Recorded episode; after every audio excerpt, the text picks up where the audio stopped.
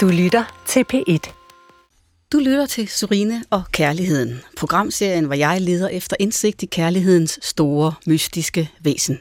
Mit navn er Surine Godfredsen, jeg er præst, og jeg vil i dag se nærmere på den første kærlighed, der går fra forelskelsens første tid til rent faktisk at blive et rigtigt forhold til et andet menneske, som kommer til at præge en resten af livet.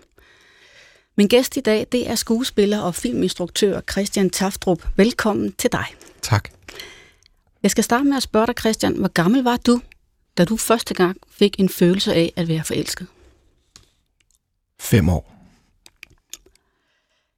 Det svar, det øh, kan jeg godt lide, og det får mig til at sige, at jeg er nødt til at komme med en bekendelse til at indlede med. Øhm, jeg tvivler faktisk personligt på, at børn ved ret meget om kærlighed. Jeg tror, at man inde i vores barnesind kan have meget, meget svært ved at skelne mellem virkelighed, altså de helt virkelige grundfæstede følelser, og så alle de eventyrfornemmelser og drømme, som børn har det med at opfinde, når de har brug for det. Og når jeg tænker tilbage på min egen barndom, og på den dreng i skolen, som jeg i flere år også havde en overbevisning om, at jeg var forelsket i, så har jeg meget svært ved i dag at gennemskue om, hvad der var virkeligt, og hvad der egentlig bare var min drøm om noget, der skulle være kærlighed og være drama for mig. Man forsøger jo ofte i løbet af sit liv at trække en linje fra den første erfaring af, af kærlighed eller hengivenhed, og så gennem de relationer, man siden får i tilværelsen. Og eftersom jeg, øh, som lytterne efterhånden ved, ser frem til mit eget bryllup her i maj, så har jeg den her længsel efter at prøve at trække de her linjer og forstå, hvad det egentlig handler om. Også helt tilbage til barndommen. I studiet hos mig har jeg, ud over dig Christian, som altid teolog og filosof Søren Kierkegaard. Hans værk, Kærlighedens Gerninger, er her lige ved hånden, så vi kan spørge til rådes, når det er nødvendigt. Og så har jeg også for vane i de her programmer hver gang at komme med et postulat, som vi skal se tingene i lyset af. Og i dag lyder det sådan her. Allerede i barndommen påvirkes vi så meget af kulturens trivielle dyrkelse af kærlighed, at vi opfinder følelser, der er ude af trit med vores alder. Og så vil jeg spørge Christian, om det postulat passer på den historie, du skal til at fortælle her med et øjeblik. Ja, det synes jeg, den gør. Øhm, ude af trit med vores alder. Den er lidt kringlet. Øhm, men øh, når jeg nu fortæller den historie, jeg har på hjerte, så øh, tror jeg måske, at øh, du og lytterne vil være enige i dit postulat. Vi får se. I mm. hvert fald så vil jeg sige til dig, at nu skal vi høre din historie. Og du skal fortælle om forholdet til din første kæreste. Og det begyndte allerede, da du var et barn. Og den strækker sig øh, også ind i din halvvoksne tilværelse. Men lad os indlede med begyndelsen, og du fortæller, hvem hun er, og hvordan du mødte hende første gang. Hun hedder Anne, og øh, hun går i 7. klasse, og jeg går i 5. klasse. Og øh, fra vinduet i klasselokalet kunne jeg se over på et soltag, hvor kun de store måtte komme. Og i stedet for at gå ned i gården og spille fodbold og lege med de andre, hvilket jeg sjældent gjorde, så stod jeg altid og hang i vinduet. Og en dag så ser jeg hende pigen komme løbende over på soltaget, og jeg bliver forelsket på afstand. Der er jo langt fra soltaget og hen til mit vindue i 5. klasse, men jeg bliver ramt af Amors pil. Hun er mørk, hun er adopteret fra Sri Lanka. Hun er lav, og hun smiler og er meget levende. Og øh, jeg kan ikke øh, få hende ud af hovedet, og jeg kan ikke få hende ud af kroppen. Jeg er nervøs hver eneste morgen. Jeg skal over på min skole. Det er en stor skole. Det er Ingrid Jespersens privatskole på Østerbro, hvor der går jo tusind elever. Og jeg har gået der siden børnehaveklassen, og øh, jeg har været, som jeg var inde på indledningsvis, en del forelsket i forskellige, blandt andet min lærerinde, men, men det var måske forestilling om noget, som jeg ikke vidste, hvad var. Det her føltes som ægte kærlighed. Hvad var forskellen på det, og så med din lærerinde for eksempel? Øhm, forskellen var, at jeg var fuldstændig overbevist om, at øh, jeg skulle være kæreste med den her pige, og at jeg var født her på jorden for at møde hende. Øh, jeg var ekstremt nervøs forstået på den måde, at jeg, jeg kunne ikke kigge på hende uden at blive overvældet af enorme følelser og af en enorm usikkerhed. Min krop rystede, og samtidig så var jeg fuldstændig overbevist om, at jeg en dag ville opnå at blive kæreste med hende. Det er på trods af, at hun var to år ældre end mig, at jeg aldrig nogensinde havde snakket med hende, at hun aldrig nogensinde havde værdiget mig et blik. Men det var som om, at der var en eller anden plan for, at det skulle blive mig og hende. Vidste du godt med din sådan helt mm, rationelle tænkeevne i den alder, hvad det vil sige at være kærester med nogen? Nej, det tror jeg ikke. Øh, jeg havde ikke været kærester med nogen. Jeg havde været forelsket i mange. Og øh, jeg bliver og blev meget stærkt grebet af romantiske følelser, som måske ikke rigtig handlede om objektet, men handlede om mig selv. Jeg kunne godt lide at være forelsket. Jeg kunne godt lide at være forelsket i nogen, jeg ikke kunne få. Jeg skrev digte fra en meget tidlig alder. Jeg skrev dagbog.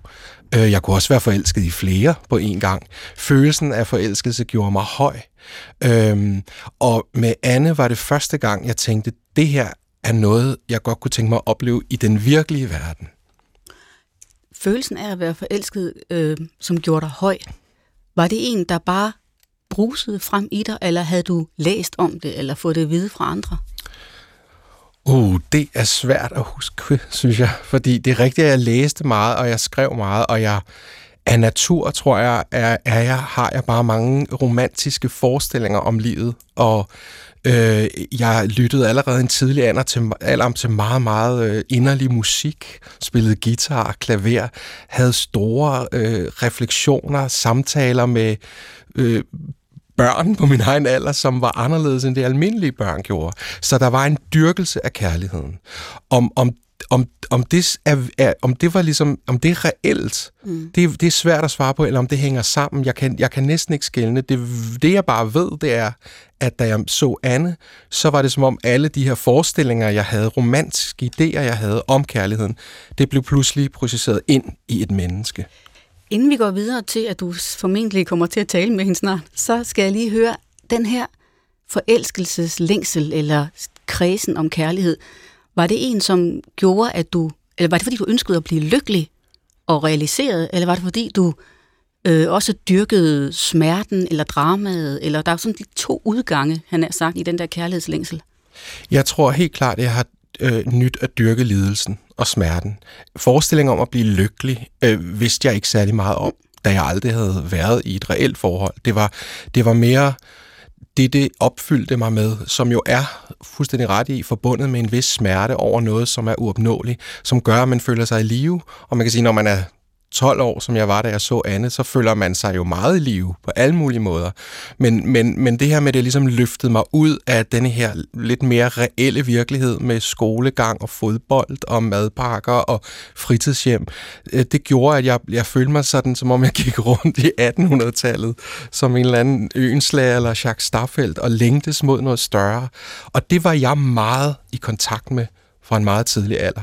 Og det har helt klart noget af forklaringen på, hvorfor jeg pludselig blev forelsket i en, jeg overhovedet ikke kendte. Nu du nævner 1800-tallet, det er jo den her romantiske periode, hvor, hvor flere af de store ånder, de havde den her drøm om at komme øh, til himmels, han har sagt, og ind i evigheden, men have en anden verden end den jordiske. Mm. Var, var, det, var det en længsel væk? Ja, jeg kunne godt lide livet, og jeg boede jo lige ved siden af skolen med to forældre og en bror, og har levet meget trygt, og havde også venner. Men, men, men det her med, at, øh, at, der, at vi er her, fordi der er en større mening, eller at vi skal mærke noget, mm. at, at det, det, det, det, det gjorde mine venner måske ikke så meget. Jeg synes jo også, det var lidt banalt livet. Så det der med at være i kontakt med noget guddommeligt i virkeligheden, det, øh, eller lynet, der slår ned, det, det var noget, jeg var i kontakt med. Hvordan kommer du så i kontakt med Anne? Nu skal vi til at møde hende. Ja, se, der hjalp skæbnen mig jo lidt. Fordi der skete jo det, hverken værre eller bedre, at hendes lillebror startede i min klasse. Øh, Andreas. Øhm, øh, og Andreas og jeg var meget, meget forskellige, og det er ikke et menneske, jeg tror, jeg var blevet ven med, hvis ikke hans storesøster var Anne. Øh, så jeg lagde en plan, øh, og planen var at blive venner med ham sådan så vi kunne ses i privaten. Og det skete meget hurtigt. Jeg blev venner med ham, og øh, jeg kom hjem til dem. De boede i en rigtig flot villa ude i Hellerup. Faren var tandlæge, så de havde en del penge. Og øh, Andreas spillede guitar, ligesom mig. Mor jeg spillede lidt mere inderlig folk singer-songwriter. Der spillede han heavy metal, Metallica, Guns N' Roses, så vi var meget forskellige på den måde. Men øh, det lykkedes mig at komme hjem til dem, og der snakkede jeg med Anne første gang, eller snakkede jeg, øh, prøvede at få lidt ord over mine øh, fuldstændig tilspyttede læber, fordi jeg var jo som sagt øh, guddommeligt forelsket i hende. Og det der var med Anne, det var, at hun var meget fløtende. Hun var 15 år, jeg var 13 år. Og jeg kan huske, at hun øh, allerede der sagde, at hvis jeg havde været lidt ældre, så kunne hun da godt have et godt øje til mig. Uh -uh, ja. Så det gjorde, at jeg fik blod på tanden. Så jeg blev rigtig gode venner med Andreas. Og jeg blev så gode venner, at jeg ofte sov hjemme hos dem. Jeg blev også så gode venner, at jeg tog med dem på sommerferie i deres smukke sommerhus på Bornholm. Og øh, jeg blev også så gode venner med ham, at øh, jeg begyndte at øh, få de interesser, hans storesøster havde, nemlig at gå til kor. Så jeg meldte mig også til skolens kor, sådan så jeg havde en time hver torsdag i samme lokale som hende.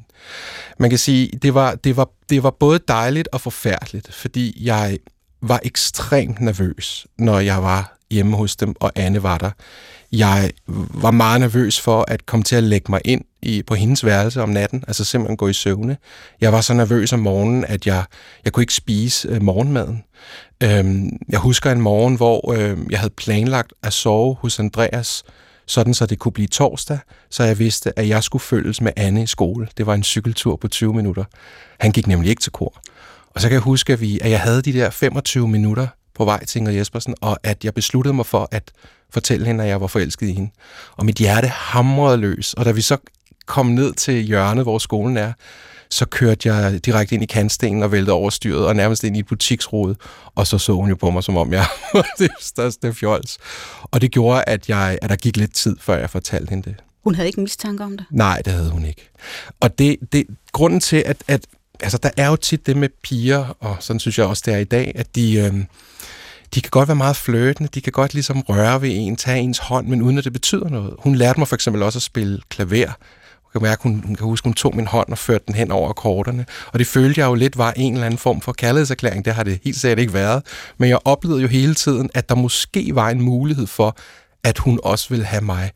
Øh, men jeg vidste det selvfølgelig ikke. Når, når du sådan var tæt på hende der og fulgtes med hende, så du blev kun bekræftet, at du var forelsket. Der var ikke noget, der, der skuffede dig tæt på. Nej, altså, og det var jo en sygelig forelskelse. Og der er masser ved hende, som var meget, meget anderledes end mig. Altså, det er jo ikke, fordi vi havde de samme interesser, eller hun hørte Prince, så hørte jeg også Prince. Øh, jeg klædte mig ud som Prince, jeg købte en guitar, der lignede Prince. Altså, jeg kopierede lidt det, hun kunne lide.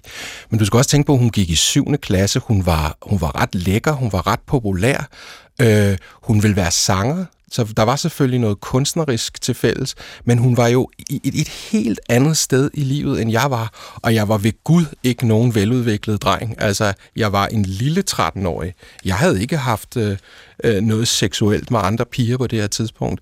Øh, jeg var ikke specielt rap i replikken, eller så vanvittigt godt ud. Jeg lignede en pige på det tidspunkt. Jeg havde langt hår. Jeg gik i underlig fjollet tøj, spraglet skjorte og silkevest øh, og smykker. Altså, det var ikke, fordi min odds var med mig, så det var et fuldstændig urealistisk røngsforsøg. Mens du var i gang med det her urealistiske forsøg, havde du så en, en, den der smerte, som du også øh, havde stræbt efter, var den hos dig, og nød du den? Du skal læse mine dagbøger. Øh, ja, det, det, øh, der, der, der kan jeg love dig for, at der blev tegnet og skrevet, og i det lev der en enorm nydelse. Øh, jeg brugte hver aften på at sidde og skrive digte og øh, kigge ud af vinduet. Øh, og øh, det var jo også en form for forløsning, fordi det var en stor hemmelighed. Jeg havde jo ikke fortalt det her til nogen. Men det var jo pludselig interessant at komme i skole, fordi du, godt nok er du nervøs, men du tænker jo hele tiden på et eventyr. Hvad hvis jeg ser hende i dag? Jeg var også begyndt at lære hende at kende, så hvad hvis jeg møder hende i den kantine, jeg i øvrigt ikke må gå ind i, men gør alligevel? Der var en slags spænding ved at gå i skole. Det handlede ikke bare om legekammerater og lektier. Det handlede om, hvad sker der med Anne og mig i dag? Det er meget sjovt, at du siger ordet eventyr, fordi Kirkegaard han har i sin beskrivelse af, hvad barnet, øh, det univers barnet lever i, at når vi tror, at vi kan lære barnet noget rationelt om kristendom, for eksempel det religiøse, eller kærligheden, så stykker barnet det selv sammen, siger han, og laver sin egen idylliske mytologi. Er det en formulering, du kan bruge til noget? Ja, det, det, det er lige ned af min vand på min mølle. det vidste jeg jo ikke dengang. Jeg var ikke begyndt at læse kirkegård endnu. Men, øh, men jeg, jeg, jeg kan sagtens følge det der. Problemet er jo, at hvis det bliver ved med at være mytologi i for lang tid, så dør du jo. Og jeg vidste jo godt, at på et tidspunkt, på et tidspunkt bliver jeg nødt til at fortælle Anne, at jeg er forelsket i hende. Og det gjorde jeg så efter to, to år. Og hvordan gjorde du det? Jeg havde besluttet mig til, fordi hun spurgte nemlig tit, øh, Nå Christian, har du nogen i kikkerten? Hun var jo som sagt meget flirtende, jeg var jo hendes lillebrors ven. øhm, og øh, så besluttede jeg mig for, at næste gang hun spørger mig, hvem har du i kikkerten, så skal jeg sige dig. Det skal jeg. Så en eftermiddag i det store frikvarter havde jeg snedet mig ind i den kantine, jeg egentlig ikke måtte være i, og jeg sad i vindueskampen og snakkede med hende. Og øh, så spurgte hun mig, hvem har du i kikkerten? Og så sagde jeg dig. Og så kiggede hun bare på mig som om, what? Ja, jeg var blevet sjov. Så sagde jeg, nej, det er rigtigt, jeg er forelsket i dig, og det har jeg været i meget lang tid. Og så øh, blev hun fuldstændig bleg, og så begyndte hun at grine, og så sagde hun, tog hun min hånd, og så sagde hun, åh Christian, du er jo kuvøse guf. Du er jo alt for ung til mig. Og jeg kan huske en enorm lettelse. Jeg, jeg spillede guitar i øh, skolebandet, så jeg gik op, og jeg spillede bare løs, og jeg var ekstremt glad og lettet over, at jeg endelig havde fået det sagt. Der var som om, det var ligesom, jeg kan godt være, at jeg nok måske aldrig ville opnå hende, men det der med at manifestere mine hemmelige romantiske følelser i den virkelige verden, at hun vidste nu, at jeg var hemmeligt forelsket i hende og havde været det længe, det gjorde, at hun faktisk var tættere på mig end nogensinde før. Men det var jo også en afvisning fra hendes side. Det var det, men det blev det ikke ved med at være. Fordi øh, et par dage efter, så øh, hævde hun mig til side over på skolen, og så sagde hun, øh, hvis du virkelig vil have mig, så skal du vise, at du har en anden side. At der er noget over dig, som, øh, som, er, øh, som ikke kun er en, en 13-årig dreng. Og det tog jeg som en opfordring. Men først tænkte jeg, hvordan fanden skal jeg gøre det? Men øh, så kom jeg jo i tanke om, at jeg var god til at skrive. Jeg var rigtig god til at skrive, og det har jeg altid været. Og øh, så skrev jeg breve til hende, og øh, gav hende brevene, nogle af brevene, som hun læste. Og hun blev øh, virkelig forelsket, tror jeg, i mine ord, eller i min sådan ublufærdige måde at øh, beskrive følelser på.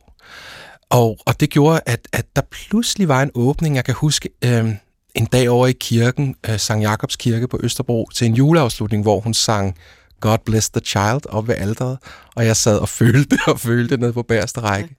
Så skulle hun ud og tisse i pausen, og så gik jeg derud og stod foran toilettet og ventede på, hun kom ud, som om jeg også skulle på toilettet. Og så kom hun ud, og så, øh, så gav hun mig et meget inderligt kram. Og så stod vi der i sådan og krammede i 45 sekunder, og så gik hun ind i kirken igen. Og det var jo sådan første gang, hun nogensinde var sådan lidt fysisk med mig. Og så blev det juleferie, og så tænkte jeg, nu er det nu, Christian. Nu skal du skrive verdens bedste brev. Så skrev jeg det her brev, jeg brugte jo bare altså aftener på det, håndskrevet brev på linjeret papir, pakket ind i en lille kuvert, og mellem jul og nytår, så tog jeg toget til Bernstofsvej station. Det var en meget kold øh, vinter. Alt var is. Så gik jeg ind i en telefonboks på stationen, ringede til huset. Der var jo ikke mobiler dengang. Øh, for at høre, om der var nogen hjemme. Der var ikke nogen, der tog den. Og så gik jeg ned til deres hus, og så lagde jeg brevet i en af brevsprækken. Og så vidste jeg, hun ville læse det i juleferien. Og øh, den 2. januar, så ringede telefonen så hjemme hos mine forældre. Og så var det hende? Så var det hende. Og så sagde hun, er du hjemme? Så sagde jeg, ja, jeg er hjemme. Og så tror jeg, jeg gik ud på toilettet og kastede op og drak en masse vand, for jeg var urystende. Men så ringede det sgu på døren, og så kom hun op, og så stod hun der i sin pelsfrakke og øh, plateausko. Hun var meget sådan, var sådan lidt diva-agtig. Øh, hun var en kvinde. Og så kyssede hun mig, og så kunne jeg jo slet ikke åbne munden, fordi den var fuldstændig sandet til. så gik jeg lige ud og drak noget vand, og så kyssede vi hinanden. Og øh, så starter kapitel 2. Så har du faktisk fået en del af den her drøm til at gå i opfyldelse. Er du, inden du starter på kapitel 2, er du øh, sikker på, at du vil det? Eller får du den der fornemmelse af, at nu er det inden for rækkevidde, og nu vil jeg egentlig gerne lidt væk? Øh, jeg er sikker på, at jeg vil det. Jeg, jeg forstår godt, hvad du siger, og i alle mulige andre og senere i livet, der har jeg haft det sådan, at i det, jeg opnåede det, jeg ville, så ville jeg måske ikke have det alligevel. Men her var jeg fuldstændig sikker på, at jeg ville det. Om jeg så turde det helt, det ved jeg ikke. Fordi det var meget vildt at blive kærester med en pige, som var to år ældre, og som var skolens lækre pige, og jeg var lidt en, en klovn. Jeg var sjov, jeg havde mange venner, men jeg var også lidt nørdet. Jeg var også lidt kikset. Og øh, det, som så startede nu, det var jo, at hun faktisk gerne ville mig. Og at hun var forelsket i mig, eller blev det. Og jeg måtte jo fortælle hendes øh, lillebror, Andreas, at øh, når jeg nu kom hjem i huset, så var det ikke ham, jeg skulle sove ind hos. Det var hende. Og hun øh, fortalte til sine forældre, som jo først grinede. Jeg er blevet kæreste med min lillebror på 13's øh, ven. Og, øh, men det, der var så smukt, det var jo, hun stod ved det. Det var ikke normalt øh, på skolen, og det er det jo heller ikke i dag sikkert, at pigerne er et par år ældre end drengen, især ikke når drengen går i 7. klasse. Men hun stod ved det. Og øh, vi begyndte jo at, at, at jeg begyndte at være i kantinen, og vi begyndte at bruge frikvartererne sammen, og vi var meget sammen. Vi var meget forelskede hinanden. Det udviklede sig til rigtige følelser, og øh, jeg øh, voksede jo, og øh, jeg blev jo ikke en mand, men jeg blev i hvert fald taget mere alvorligt, også blandt mine venner, i forhold til ikke bare at være den her klovnede dreng, fordi mm. jeg simpelthen havde en kæreste, der var ældre. Når, når, når, når du så tænker tilbage på de følelser, der du stod og kiggede på hende gennem vinduet over i 5. klasse, og så da du så rent faktisk fik hende, var det den samme følelse, du havde for hende, eller var det noget helt andet? Ja, det, det, langt hen ad vejen var det den samme følelse. Jeg var selvfølgelig ikke så... Altså, man lærer jo at slappe lidt mere af, og der er jo også sider ved, ved den anden, som man tænker, gud, hun er ikke som jeg troede, eller alt det, men det synes jeg kommer mere i voksendommen. Jeg, jeg, må, jeg må indrømme, at, jeg, at det hele også var lidt et eventyr. Og måske betød det ikke så meget, at vi ikke havde alting til fælles, eller at der var ting ved hende, der var irriterende, fordi den der romantiske idé om en forelskelse, som har varet så længe, og som man faktisk opnår, den, den, den udslettede jo alt det andet.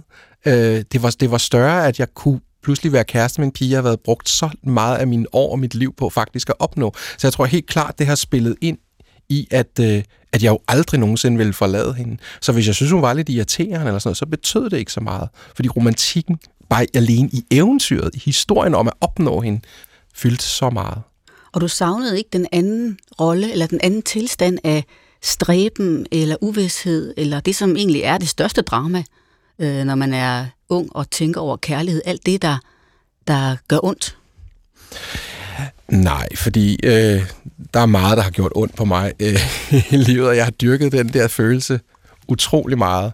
Men så vil jeg også sige, der, der gik jo heller ikke så lang tid øh, i vores forhold, før at der var ting, der begyndte at gå galt, og ting, der begyndte at gøre rigtig ondt igen.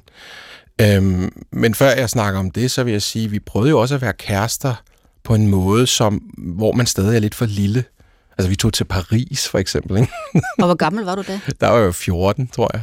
Jeg har en fransk farmor, så vi kunne bo hos hende. Men der var også noget, du, så tager man toget ind til Paris og prøver at finde en restaurant. Og, og altså, noget, som er enormt voksen, sidder vi på trappen til Sacré-Cœur og skal lege sådan romantiske, men vi snakker jo om børn, ikke? Så, så, og så var der jo en stor aldersforskel. Jeg kunne godt mærke, at hun ville ting, som for mig var nye, og at, øh, at jeg jo måtte blive nødt til at hække, hække, hække mig på og følge med, hvis ikke hun skulle gå frem, fordi hun var altså 15, og jeg var 13, så, så der, og på det tidspunkt er der en verden til forskel, så jeg, jeg var jo nødt til at gøre mig umage. Så jeg følte også lidt, at jeg var inde i noget, der var for måske en lille smule for voksent, eller for modent i forhold til, at jeg stadig bare var en dreng. Mm. Hvad er det så, der begynder at gå galt, som du ser, øh, som, øh, som følger nu? Det er, at, øh, at, der, at der ikke kun var os to i forholdet. Der var også en, øh, en tredje part, øh, og det var, øh, det var Gud. Og hvordan var han en tredje part? Et år inden jeg øh, fortalte Anne, at jeg var forelsket i hende, der øh, blev jeg meget øh, religiøs. Jeg blev meget kristen. Og øh, det var bestemt ikke noget, jeg skjulte. Øhm, men det kom på spil, da jeg blev kæreste med Anne, for det var en ligning, der ikke kunne gå op. Det, der skete, var, at jeg, øhm, jeg har spillet teater, siden jeg var 10 år, øh, i noget, der hedder Teaterbutikken. og her havde vi en pædagog, som var en fantastisk lærer, øh, dramalærer, men han var også øh, pinsemissionær. Han var simpelthen øh, øh, øh en medlem af Pinsekirken, og et af hans formål, forstod jeg så senere, fordi han fortalte mig det, var også at frelse øh, børnene. Og øh, på et tidspunkt var der en serie af de her børn, der begyndte sådan at blive frelst. Og frelst vil jo sige, det ved du sikkert mere om end mig, men det vil jo sige, at man jo tager imod Jesus øh, og øh, simpelthen vælger øh, lægger sit liv radikalt om og bliver opfyldt af, af Helligånden. At man, man, det er jo ikke sådan kulturkristen, men man tror lidt, det er alt. Øhm, og der var, en, der var en dreng i den her butik, teaterbutikken, som var meget syg, og han var den første, der blev kristen, og så blev vi andre inspireret, og vi begyndte at udfrit Henrik, som øh, vores dramalærer hedder, om hvad det egentlig var. Og jeg tror, han var i et dilemma, for han vidste godt, at det måtte han jo ikke, men samtidig var det jo hans kald. Så han begyndte at tale meget om pinsemissionen, om at leve med Jesus, og han begyndte også at øh, snakke om håndspålæggelse, at Jesus for eksempel kunne øh, helbrede hovedpine, eller hvad det nu var, vi skulle gå rundt med. Så folk begyndte ligesom at blive bedt for i teaterbutikken, og når vi var på lejerskole, og vi synes jo, det var mirakuløst, at den her hovedpine forsvandt. Og jeg blev mere og mere interesseret i øh, Pinsekirken. Og øh, måske er det jo, fordi jeg blev mere og mere interesseret i ham, fordi han var så populær. Men i hvert fald så valgte jeg, øh, da jeg var næsten 13 år gammel, 12 år gammel, at, øh, at møde ham og to andre præster hjemme på min kammerats teenageværelse og øh, sige ja til Jesus. Så der fik du den her åndelige dåb? Ja, det gjorde jeg. Som Pinsekirken Som var en meget stor oplevelse. om, ja. ja. Altså, jeg, jeg blev, de, de, de, altså, de lagde simpelthen hænderne på mig, og så blev der sprøjtet lidt med noget vigevand, og så blev der talt i tunger. Og så øh, sagde jeg ja, en slags trosbekendelse. Og så begyndte jeg jo selv at tale i tunger, som er jo et slags ritual, og da jeg åbnede øjnene, der var jeg så født igen, som man siger. Jeg var mhm. kristen. Øhm, og det var til at begynde med noget, som gjorde mig meget, meget lykkelig. Og det vil jeg sige, det er også en efterrationalisering som voksen at sige, åh, sikkert overgreb, og hvor forfærdeligt. Jeg må sige, jeg, jeg fik jo også en vennekreds, og jeg fik jo et ritual hver søndag, øh, hvor jeg gik i Pinsekirken, som jo er en meget, meget moderne, udadvendt kirke med masser af fester og lovsang og bønder på en meget sådan ungdomlig måde. Så kan det godt være, at det, de står for, er mere dogmatisk, men indpakningen er jo meget tiltrækkende. Jamen, øh, man kan lige måske lige i en parentes sige, at Pinsekirken er jo den her øh, meget åndeligt øh, øh, orienteret form for kristendom, stor fokus på helligånden og på at blive opfyldt af følelser ja. og udleve det. Ja. Og det er jo en, en ganske anden tilgang end den, der er den klassiske folkekirkelige, hvor det er mere intellektuelt ordet, der, der, der lever, og os, der sidder og lytter. Og sådan. Så Pinsekirken er jo, som man siger, karismatisk. Det er virkelig øh, følelserne, der foldes ud. Og for en 13-årig dreng, som spiller teater og øh, altså er meget romantisk anlagt, så var det meget, meget nemt at blive lokket af det der. Hvad betød det så for dit forhold til Anne, at, at Gud var den tredje part? Jeg havde en pagt med Gud, øhm, nemlig at jeg bad til Gud om, at jeg måtte blive kærester med Anne. Øh, jeg har altid øh, bedt aftenbøn, og jeg har altid været haft en meget øh, en tæt tilknytning til Guds begreber, siden jeg var lille. Jeg ved ikke hvorfor, men det har jeg altså. Og det voksede og voksede bare. Og da jeg så blev frelst, så tænkte jeg, nu, øh, nu laver jeg en pagt med Gud, at hvis han giver mig Anne, så vil jeg øh, være så tæt på ham, som jeg overhovedet kan, og jeg vil aldrig svigte Gud. Og, og, og, og når man er ung, så har man jo de her naive, sort-hvide forestillinger. Så du kan godt se, at i det der faktisk, at det umulige bliver opnået, at miraklet sker, mm. at jeg bliver kæreste med en pige, jeg har gået rundt og været forelsket i to år, som er skolens lækre pige, som er to år ældre end mig, at det sker, så er jeg jo fuldstændig overbevist om, at Gud har haft en finger med i spillet. Og hvad betød det så for forholdet til hende? Altså var det, øh, satte det også begrænsninger, at du havde det forhold til Gud? Ja, det må man sige. Altså, i starten tror jeg, hun synes, det var lidt tosset og lidt fascinerende, fordi som sagt, det var ikke noget, jeg holdt hemmeligt. Øhm, jeg gik med t-shirts, hvor jeg havde skrevet Jesus lever. Jeg gik med meget store kors. Jeg øhm, var meget provokerende. Jeg tog til fester og rev folks ølflasker ud af hånden og hældte dem i vasken og, og sagde, at alkohol var det onde. Og selvfølgelig var der noget, noget performance i det, fordi jeg godt kunne lide at være anderledes. Og jeg tror, hun synes, det var lidt fascinerende til at begynde med. Det, der så skete, og som er det svære punkt, det er jo øhm, seksualiteten. Fordi når du er kristen i Pinsekirken, så, øh, så skal du ikke drikke, og du skal heller ikke have sex med nogen før ægteskabet. Det lyder jo sådan meget øh, middelalderligt og dogmatisk, og det er det jo også, men der var samtidig nogle ret øh, fornuftige, synes jeg, argumenter for, hvorfor man skal vente. Og når man er 13-14 år, og alle hormonerne flyver rundt i kroppen, men samtidig er meget romantisk anlagt, så var jeg fuldstændig overbevist om, at jeg skulle vente med at gå i seng med en, med min, en pige til, hun var min hustru. Og det er svært i et forhold med en 15-16-årig pige, som er meget attraktiv. Det skabte selvfølgelig enorme konflikter. Øhm, også fordi hun gerne ville i seng med mig. Jeg ville også gerne i seng med hende, men Gud sagde jo nej. Jeg er nødt til at spørge dig, Christian. Det er jo sådan et klassisk spørgsmål i forhold til tro og kærlighed. Havde du en stemme indeni, der sagde, at din loyalitet over for Gud skulle være større end over for Anne? Ja. Og det er derfor, det er så svært at snakke om det her, fordi når vi snakker om min første store kærlighed, så er jeg i tvivl om det var Anne, eller om det var Gud. Øh, og, og de dilemmaer, øh, jeg stod med, var meget store og meget voldsomme i en meget tidlig alder. Og jeg kan den dag i dag jo piske mig selv over, at Gud fyldte mere end den pige, jeg havde brugt min barndom på at opnå. Og det, der konkret skete, var jo, at de her seksuelle grænser rykkedes mere og mere. Og hver gang jeg øh, trådte over den forbudte linje, så blev jeg ramt af en enorm skam. En enorm øh, skyldfølelse, som gjorde, at jeg til at begynde med brugte selv en halv time på at bede om tilgivelse, for jeg havde jo lært i kirken, at det kunne man jo gøre, så kunne man komme videre. Øh, og det var selvfølgelig hårdt, men det udviklede sig også sådan, at jeg trak Anne med ind i det. At hver gang vi havde haft øh, noget, der mindede om sex, øh, øh, så skulle vi sammen bede om tilgivelse på mit teenageværelse. Og øhm, øh, det, det kom også så vidt, at øh, kirken øh, fandt ud af, at jeg havde fået en kæreste, som ikke var kristen. Og øh, de ringede en dag og sagde, hvis, hvis jeg skulle fortsætte med at være kæreste med hende, så skulle hun også omvendes. Så jeg satte jo hårdt mod hårdt mod Anne, og sagde til hende, at hvis det her forhold skulle fortsætte, så blev hun også nødt til at tage imod øh, Jesus. Og hvad sagde hun til det? Det sagde hun faktisk ja til. Øhm, hun troede over, altså hun er det mindst kristne menneske, du kan forestille dig. Men vi var meget, meget glade for hinanden, og hun ville ikke risikere at miste mig. Øh, jeg tror, hun ikke kunne tænke klart, og jeg kunne selvfølgelig heller ikke tænke klart. Så jeg kan huske en aften på hendes værelse, der hvor vi ligger i sengen, og jeg beder for hende og omvender hende. Og nu er hun også kristen, og så tror jeg jo, at alt er godt. Og hun tror jo, at hun kan gå i seng med mig. Men det var jo en halvanden dag, og så kommer hun jo hjem til mig og siger, jeg, jeg, jeg kan altså ikke være kristen. Jeg tror ikke på det. Jeg kan ikke. Nej, og i det øjeblik, at hun siger det, så, så ved du godt, at nu skal du vælge.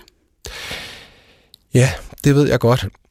Og øh, problemet er, at øh, jeg kan ikke vælge. Fordi jeg er så forelsket i hende, og jeg har så meget lyst til at gå i seng med hende. Men min skamfølelse bliver simpelthen større og større, sådan så jeg, altså det bliver en besættelse, og det bliver jo en slags depression, hvor jeg øh, altså har så dårlig samvittighed over at være fysisk med hende, at, øh, at, jeg, at det rammer mit humør, at jeg bliver ulykkelig. Og det går også på mine drømme. Altså jeg kan huske, at jeg havde sådan en drøm, hvor jeg øh, onanerer i drømmen, og jeg vågner med sådan en skam. Og selvom det bare var en drøm, så har jeg den der følelse af skam i dagevis, selvom det ikke engang var sket i virkeligheden. Og, og havde jeg bare kunne holde den, så, du ved, hvis, jeg, hvis hun var hjemme hos mig og sove, og vi ikke gik i seng sammen, øh, eller havde sex på nogle andre måder, så var jeg jo helt vildt høj, og du ved, jeg følte, Gud var tæt på mig, og hvis jeg så begyndte at tage på hende eller sådan noget, så skammede jeg mig igen. Så det var sådan skizofrent, og der var ligesom Gud, og der var Anne, og der var mig, og jeg kunne ikke få dem begge to. Øhm, så jeg vil sige, at jeg strakte den virkelig, virkelig langt, og blev meget, meget mærkelig, og meget, meget svær at være sammen med. Og hvad endte det med med jer to? Det endte med øh, efter to år, at hun skulle til øh, USA et år som øh, udveksling, og at hun øh, slog op. Og inden da var hun begyndt at flytte med nogle lidt ældre fyre. Jeg kan huske, der var en Lars, der var fotograf, og der var en Svend, som var håndværker. Og de var altså ikke kristne. Og så kunne jeg godt se, at jeg havde ikke så meget at stille op. Og øh, så havde jeg jo troet, at øh, vi stadigvæk skulle være kærester, mens hun var over i USA. Og så kan jeg huske, at vi sad i den samme kantine, i det samme vindue, som jeg dengang havde sagt, jeg var forelsket ind i. Og så sagde hun, at når hun tog afsted her om nogle uger til USA, så var det også forbi med os to. Opnåede I nogensinde at gå i seng med hinanden? Nej. Og øh, jeg vil sige, nu er jeg 43, og der er mange ting for den her oplevelse, som jo stadig er i mig. Men, men, men, men det hårdeste er i virkeligheden, at, at det ikke skete. Øh, fordi det tror jeg havde ændret min seksualitet. Jeg tror, jeg havde i mine teenageår udviklet mig på en anden måde, end det, som man kan sige, eftervirkningerne af sådan en stor, hård oplevelse øh, gav af konsekvenser. Og, øh, og jeg ville da gerne have været i seng med hende. Jeg, jeg, jeg, jeg, jeg, jeg, jeg tænker stadig på hende. Altså, hun er jo 4, 45 i dag, så det kan jo ikke lade sig gøre i dag. Altså, hun er også en mand, og jeg har mand og børn og alt det der. Og det er jo ikke, fordi jeg i dag har lyst til det, men når jeg tænker på den teenage-dreng, men med, med det, jeg har lært siden, så synes jeg, det er utroligt. Altså, det er jo også komisk, men det er også meget, meget synd for, det, for ham at han ikke gjorde det. Jeg ville hellere have gjort det, og så have haft den her ekstremt dårlige samvittighed en måned, end, end den lidelse, jeg har måttet leve med ved ikke at gøre det. Mm. Det er en utrolig historie, Christian, du fortæller. Øh, og jeg, når, du, når du tænker tilbage på den relation nu, og på den kærlighed, I havde til hinanden, står den i din bevidsthed i dag som, øh, som, som, som virkelig, som du husker den fra dengang, altså som ren og stærk, og som rigtig kærlighed, eller er den blevet filtreret ind i så mange andre voldsomme ting, og dit forhold til Gud, og den der kamp, du stod i? Hvordan, hvordan føles den i dag?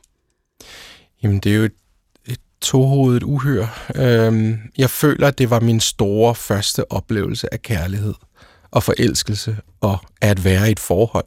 Og jeg ved godt, vi var bare børn, er der mange, der siger. Men jeg var også på mange måder moden. Ikke i forhold til seksualitet og sådan noget, men i forhold til at ville kærligheden. Og jeg føler, at det i sig selv er en gave, at jeg har oplevet det så tidligt. Og så føler jeg jo også en enorm smerte og en enorm dårlig samvittighed. Ikke over for Gud, men over for Anne. Over at have ødelagt det, og over at have trukket øh, hende igennem det her. Og jeg skal sige, jeg kender faktisk godt Anne i dag, og øh, min familie og jeg, hun bor i Spanien, har besøgt hende og hendes kæreste, og vi har det glimrende, men vi taler ikke om det her. Og det, øh, det kan jeg ikke finde ud af. Jeg skammer mig over at have været sådan, selvom jeg bare var en dreng, og jeg tror jeg ved jo godt, hun ikke har glemt det, men det er jo noget, vi, det er jo noget, som er umuligt at sætte ord på. Og jeg kunne godt tænke mig at spørge hende, hvor, hvordan husker du det? Men det er jeg virkelig bange for. Så I har altså I genoptog forbindelsen og har været sådan venskabelige? Ja, det har vi. Der er gået mange år, men især efter jeg har fået børn og sådan noget, så har vi været nede og besøge øh, hende og hendes mand, og, øh, og øh, det, er jo, det er jo en anden kvinde i dag. Jeg, jeg, det er jo ikke min ungdomskæreste, det er jo det, der er så mærkeligt, og der er jo også sket meget med mig. Og alligevel er det det menneske, som, som øh, gav en den her kærlighedsgave for allerførste gang. Tror du ikke, at du ville øh, kunne komme noget af den der skam til livs ved at have en snak med hende om det?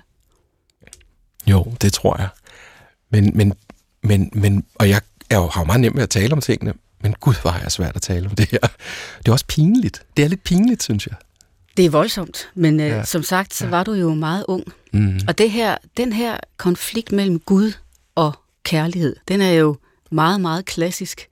Kirkegaard kender den jo selv. Han var forlovet med Regine Olsen i 13 måneder, og skulle også gøre op med sig selv, om han ville øh, svigte sit, sin mission for Gud, altså ud og forkynde kristendom og kæmpe sagen, eller leve det, realisere det almene, som han kaldte det. Så han har også stået i den her øh, lidt underlige øh, strid mellem de to ting, ja. der trak i ham.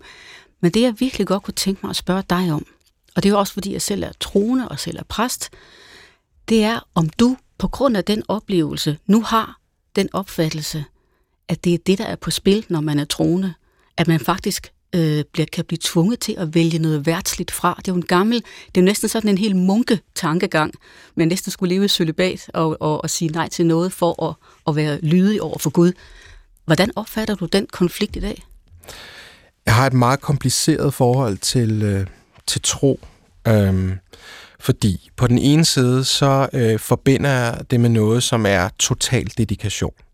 Så når, når folk taler om at være kristne på sådan en kulturkristen måde, eller som om kristendom er en buffet, jeg tager, hvad jeg kan bruge med det der, så, så øh, kan jeg mærke en eller anden form for øh, aggression mod det. Altså fordi jeg har, jeg har opdraget mig selv til, det er alt eller intet, og at det har et offer. Det koster noget. Øhm, på den anden side øhm, har jeg enormt stor beundring og respekt for folk, der vælger troen, fordi den også er... Øhm, altså, den går imod en eller anden form for fælles norm om, hvad det vil sige at være et menneske. Altså, det, man er jo næsten, for mange er det jo som at tro på julemanden, som at tro på Gud. Og i det, det valg, der ligger i at dedikere sig på en eller anden form for Gud, ligger der en, et, et, en enorm sådan... Øh, jeg synes, det, det kan man være stolt af, fordi det bare er anderledes.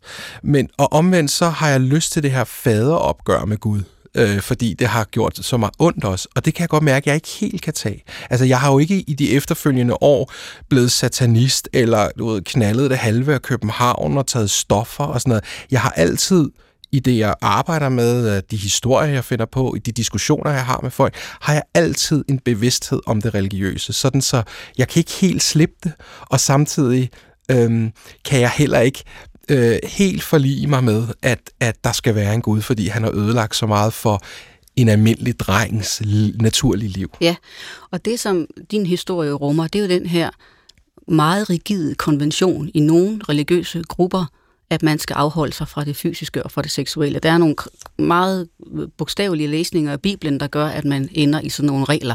Ja. Og det jeg godt kunne tænke mig også at øh, argumentere for, fordi jeg jo selv synes, der er så meget på spil, når man mister, eller når man øh, bliver så begrænset af tro, som du har oplevet, ja.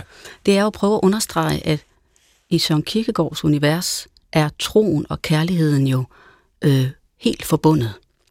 Og jeg vil lige læse et stykke for dig fra Kærlighedens Gerninger, hvor han siger sådan her, og hvor sjældent er måske ikke just dette, at det evige får så meget rådighed over et menneske, at kærligheden i ham kommer til evigt at festne sig, eller til at sætte hjerte som Kirkegaard siger. Altså den her mm. tro på, at kærligheden kun kan blive helt inderligt realiseret i hjertet, hvis man har en fornemmelse af, at der findes en evighed. Mm. Altså at den store, øh, egentlig meget det, som du drømte om som barn, som er jo barnets øh, eventyrlige forestilling om, der er, der er så meget på spil her på jorden. Mm. Det var den tanke, Kirkegaard fører med sig hele livet, og som han så som teolog udfolder som det helt gådefulde, at vi sat her på jorden med vores krop og leme, og samtidig står i forhold til evigheden. Mm. Og det skal vi finde ud af. Mm. Og derudaf vokser poesi og digterkunst, filmkunst, mm. alt muligt andet. Men derudaf vokser også, siger Kirkegaard, evnen til inderst i hjertet at have kærlighed med sig. Og jeg siger det bare for at understrege, at kristen tro og kærlighed absolut går hånd i hånd. Det skulle jeg have læst dengang. Men det er ligesom et træ. Jeg kommer til at tænke på et træ. Det kan også være, at jeg har læst et sted. Men det her med, et, et træ har jo sin rødder festnet i jorden. Og samtidig har det sin gren, der rager op mod himlen. Det er sådan et, et smukt billede på det, du læser. Men det, jeg selvfølgelig er interesseret i, Sorine, oven på den her historie, som du kan høre, jeg stadig er meget påvirket af, det er, hvad skulle vi have sagt til den dreng dengang? Hvad skulle han have gjort? Det, det, det har jeg ikke en løsning på. Og, og hvad var godt? Var det godt at blive religiøs så tidligt? Det gav mig jo også mange gode oplevelser. Er det, er det, er det okay at blive religiøs som barn, eller skal man vente til man er voksen, eller skal man finde den her gyldne middelvej? Øhm, jeg ved det ikke. To ting i det. Med kirkegård i hånden vil jeg sige, nej, det er ikke godt at lave sådan et religiøst overgreb på et barn. Nej. Det er det ikke. Fordi, og som Kirkegaard også siger, børn kan ikke sondre mellem Gud troen på julemanden, som du selv var inde på, og alle de fantasiforestillinger, øh, børn laver, fordi de har brug for det. Ja. Derfor er børn altså i religiøs forstand ret, øh, er ret hjælpeløse, hvis voksne kommer og siger, øh, det er sådan her, du skal tro. Ja. Så for det første, nej, jeg synes, man skal være virkelig varsom med at, øh, og, øh, og, og øh, forkynde kristendom og religion i det hele taget for børn. Og det andet, hvis jeg havde været så heldig at være i din nærhed dengang, så ville jeg jo først og fremmest have sagt til dig, ved du hvad, Christian, Gud kan godt rumme, at du begår fejl. Mm. Det er jo det, der ligger, hvis vi overhovedet kalder det en fejl, det er jo det, der ligger i hele den lutherske protestantiske teologi, at vi er nødt til at tro på, at Guds nåde er der. For hvis ikke vi gør det, så kan vi komme ind i sådan en blindgyde, som du kom ind i som dreng, hvor du simpelthen tror, at du hele tiden i kraft af dine gerninger, eller rettere det, som du undlader at gøre, skal holde dig gode venner med Gud. Mm. Og det er jo den der, det er virkelig en farlig måde at opfatte det religiøse på, fordi det er endeløst, fordi du vil blive ved med at komme ind i øjeblikke, hvor du får skyld, skyldfølelse over noget, du ikke burde have gjort, og så vil du komme til at tvivle på, om Gud faktisk sidder og holder regnskab med, om du gør de rigtige ting hele Ja, tiden. ja. Så det vil jeg have sagt til dig dengang. Men det, det er jeg glad for, og det er også det håbet, du vil sige. For jeg har en slutning på den her historie, som faktisk gør ondt, om jeg pludselig kom i tanke om. Mm. Og det var, da jeg var omkring 21-22 år gammel. Der mødte jeg ham igen, præsten Henrik. Jeg mødte ham til en begravelse, fordi en af mine venner, der også var blevet frelst, døde meget tidligt. Han var som sagt syg. Og så mange af os, der var blevet kristne dengang, vi, vi sad og snakkede med ham til gravøl. Og han var en meget levende, meget karismatisk menneske. Og så, så spurgte han selv, det der, den der, det der med, at I blev kristne dengang, er det stadig noget sådan... Og alle var griner og sagde nej, og jeg sagde også nej, det er jeg heller ikke. Og så grinede han lidt, og så sagde nej, det, det kan jeg også godt forstå. Og så snakkede han om noget andet. Og det, der ligger i det, er jo, at pludselig blev det et svigt, fordi han banaliserede det. Mm. For mig har det taget år af min ungdom, af min teenage, også af min voksenår, på at tage noget alvorligt, som han farede hen, som sikkert en, en, en kikset måde at indrømme en fejltagelse, men noget, som han slog hen, hvor det havde været nemmere for ham, for mig, hvis han stadigvæk havde holdt fast, og jeg har kunne på en eller anden måde være i oprør til det. Nu blev det sådan, nå, en bagatel. Og det, øh, det gjorde enormt ondt. Fik du ikke lyst til at øh, holde, ham, holde ham fast på det? Jo, og jeg har, jeg har, det jeg nogle gange har lyst til, det er at tage min bil og køre til Tisted, hvor jeg ved, han er præst og bor i sit hus med sine seks børn, og øh, tage en samtale med ham. Jeg vil faktisk synes, det kunne være en spændende snak. Fordi du har fuldstændig ret i, og det har jeg tænkt meget over, er der tale om et overgreb? Der har jo ikke været tale om fysiske overgreb eller noget, men der er jo tale om en form for overgreb i en meget tidlig alder. Og de mennesker, jeg har snakket med eller læst om, som er udsat for alle mulige former for overgreb, det er jo, at det sætter sig i kroppen. Og derfor er det jo meget spændende for mig at møde, hvad hedder det, gerningsmanden, og, og, og snakke ud om det. Og det øh, kan være, at jeg skal lave et radioprogram for at ture det, men jeg synes i hvert fald, der ligger en snak der med ham, som ikke er taget, som øh, jeg tror, jeg må gøre, inden jeg, inden jeg bliver alt for gammel. Det tror jeg, du skal. Og det er også, der er det meget interessante i det, at en mand som ham, som formentlig har været meget troende dengang, at han omgås med så stort et begreb og med andre levende mennesker, med en så tilsyneladende let gang på jorden bagefter. Mm. Der er så mange modsigelser i det der, Ja, fordi det er troen er en alvorlig ting. Ja. Og i min verden er Gud en meget alvorlig ting, som man virkelig ikke skal lege med på den måde. Nej, Så det, er- jeg vil meget gerne høre, Christian, hvis du får ham i tale, hvad han egentlig vil sige. ja, det skal være, du, du kan være, du skal tage med. Lige skal tage med. nu, vil jeg, nu vil jeg gerne øh, lige gentage mit postulat fra tidligere, som hedder, allerede i barndommen påvirkes vi så meget af kulturens trivielle dyrkelse af kærlighed, at vi opfinder følelser, der er ude af trit med vores alder. Og jeg er virkelig nysgerrig nu, Christian, efter at vide, med din historie, som både har det romantiske drama og alle dine følelser, og så det her religiøse islet ind over, hvor meget af alt det her er noget, som du selv var med til at opfinde ind i dit eget hoved som barn? Det ved jeg ikke. Det er simpelthen så svært at svare på. Øhm, det handler jo om noget andet end Gud også. altså det handler om det menneske, jeg er. At, og og jeg, kan jo, jeg kan jo mærke det menneske, jeg er, som jeg også var dengang, som bare har måske har fundet et mere normalt leje. Men, men, men, men det, der er det store mysterium, det er, hvorfor, hvorfor rodede jeg mig ud i det her? Hvorfor blev jeg tiltrukket af de her store spørgsmål og store dilemmaer så tidligt? Det kan jo være noget genetisk, eller den, man er født som. Øhm, så jeg, jeg, har, jeg har ikke noget svar andet end, øh, det stadigvæk er en gåde, men at jeg lærte mig selv at kende, og at jeg kan se øh, mig selv i det der stadigvæk i dag, bare inde i en mere civiliseret øh, kontekst. Men, men tror du, at mit postulat stadig, i, også i relation til din historie, har noget sandt i sig? ja, hvad tror du? Jeg tror, at når jeg tænker tilbage på min egen folkeskoletid, og den er ikke nær så dramatisk som din, men, men at jeg gik rundt og var mere eller mindre forelsket i den her dreng i klassen, som alle pigerne var vilde med, det skal også lige siges. Han var sådan en, en øh, stjerne på stedet.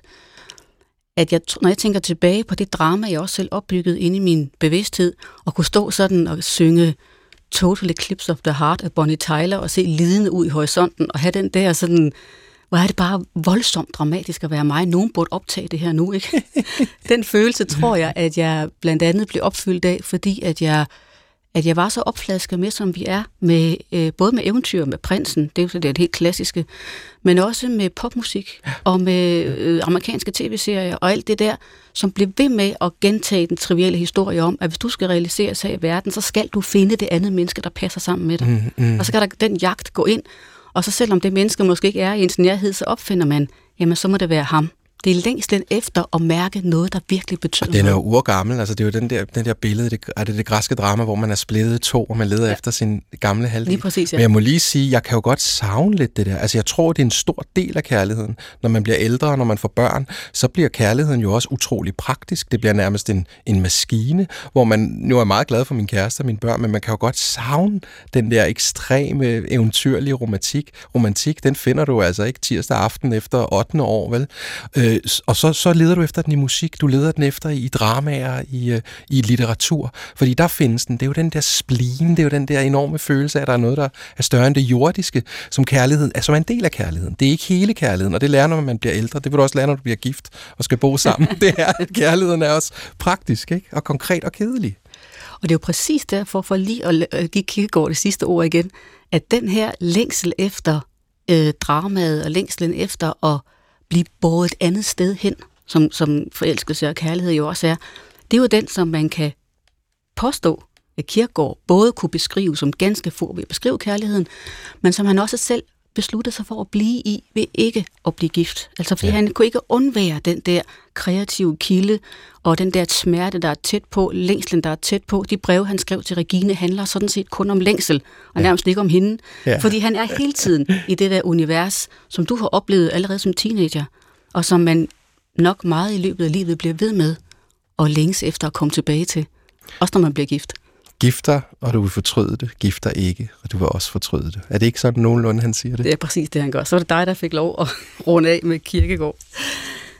Christian, til allersidst, så har jeg altså øh, lyst til at høre øhm, angående det her forhold til Gud, som du blev kastet sådan ind i, da du var ung. Er du troende i dag? Nej, jeg er forvirret. Og hvordan føles den forvirring? Øhm, god, fordi jeg synes, øh, livet og tilværelsen er mystisk og øh, kompliceret. Og jeg kan godt lide at stille mig udenfor og kigge på det hele og stille spørgsmål, i stedet for at finde svarene. I det har jeg fundet en ro. Den glæde, du også oplevede, da du blev døbt i Pinsekirken, og, øh, og øh, egentlig fik mange kræfter ud af det, er det noget, du savner i dag? Nej, øh, det er det ikke. Men jeg, jeg savner ungdom, og det er også en stor del af ungdommen.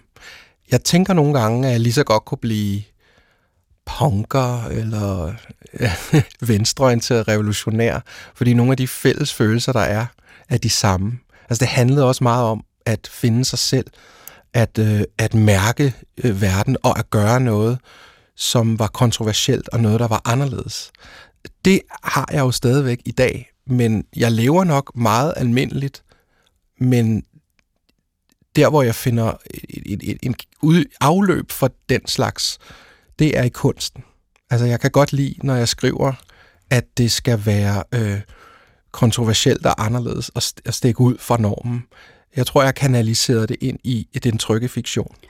Men den der rolle, du påtog dig dengang, hvor du øh, rev øllen ud af hånd på, hånden på folk og rodede lidt op, mm. er det den samme følelse, du også bruger som kunstner? Ja, det er det. Og det er et meget mere trygt rum at være i, fordi det er, er, er et digterier. Det er ikke den rigtige virkelighed, og det er tryggere at se noget i en biograf eller læse noget i en bog, end at gå til en rigtig fest og skælde ud på folk. Noget af det, som jeg øh, som præst øh, vil være ked af, efter at have hørt din historie, det er, hvis du, hvis du sidder tilbage med en følelse af, at, at Gud er et fordømmende, er en fordømmende magt. Jamen ved du hvad, det gør jeg ikke. Det gør jeg ikke. Øh, og nogle gange vil jeg ønske, at jeg gjorde det. At jeg havde haft det der oprør. Men det kan jeg ikke. Og jeg tror, det er, fordi jeg kigger på tilværelsen og andre mennesker som noget, der er komplekst, fuld af modsætninger. At, at had og kærlighed og alting eksisterer samtidig. Og jeg kan godt hade Gud om mandagen, og så kan jeg elske ham om tirsdagen. Øh, det, der er forskellen, det er jo, at jeg ikke lukker ham så meget ind i mit liv længere, medmindre jeg er bange for noget. øh, så, så har jeg simpelthen været så træt af at leve så mange år med ham i så tidlig en alder, at jeg har haft brug for lidt ro her i voksendommen og leve lidt mere almindeligt. Men, øh, men han er der, han spørger, og han præger alt, hvad jeg gør, når jeg øh, øh, arbejder med kunstnerisk materiale. Og han gør det også med kærlighed, det er jeg sikker på. Det er også rimeligt. Vi har nået afslutningen af det her program. Tak til dig, Christian Taftrup, skuespiller og filminstruktør. Mange tak for din åbenhjertighed. Jeg hedder Sorine Godfredsen, og jeg havde tilrettelagt programmet her sammen med min producer Mikkel Clausen. Og til sidst så plejer vi jo at høre Gasolins nummer Sankt Dimitri fra 1975. Og i dag så laver vi en lille variation, fordi du, Christian, har lovet, at du gerne vil læse teksten højt for os. Værsgo. Sankt Dimitri, tekst af Gasolin og Mogens Mogensen, 1975. I et sælsomt øjeblik, midt i midnatstimen, Tænker du på dagene, der gik og forsvandt i stimen? Hvad vil der komme, og hvor skal vi hen? Jeg undskyld, jeg spørger. Men hvornår, ja hvornår kommer vi hjem? Åh, Sankt Dimitri, sig mig din hemmelighed. Nej, drill mig ikke. Fortæl mig kun lidt af det, du ved. Åh, Sankt Dimitri, klokkerne ringer for mig, så kære venner, Hjælp mig et stykke på vej. Er vi fødte dilettanter? Er vi skæbnens ironi? Og fanger vi toget? Eller triller det bare lige forbi? Åh, Sankt Emitri, sig mig din hemmelighed. Nej, drill mig ikke. Fortæl mig dog lidt af det, du ved. Og det var Sankt Dimitri skrevet af Gasolin og Mogens Mogensen i 1975. Tak fordi du lytter til Sorine og Kærligheden. Gå på opdagelse i alle DR's podcast og radioprogrammer. I appen DR Lyd.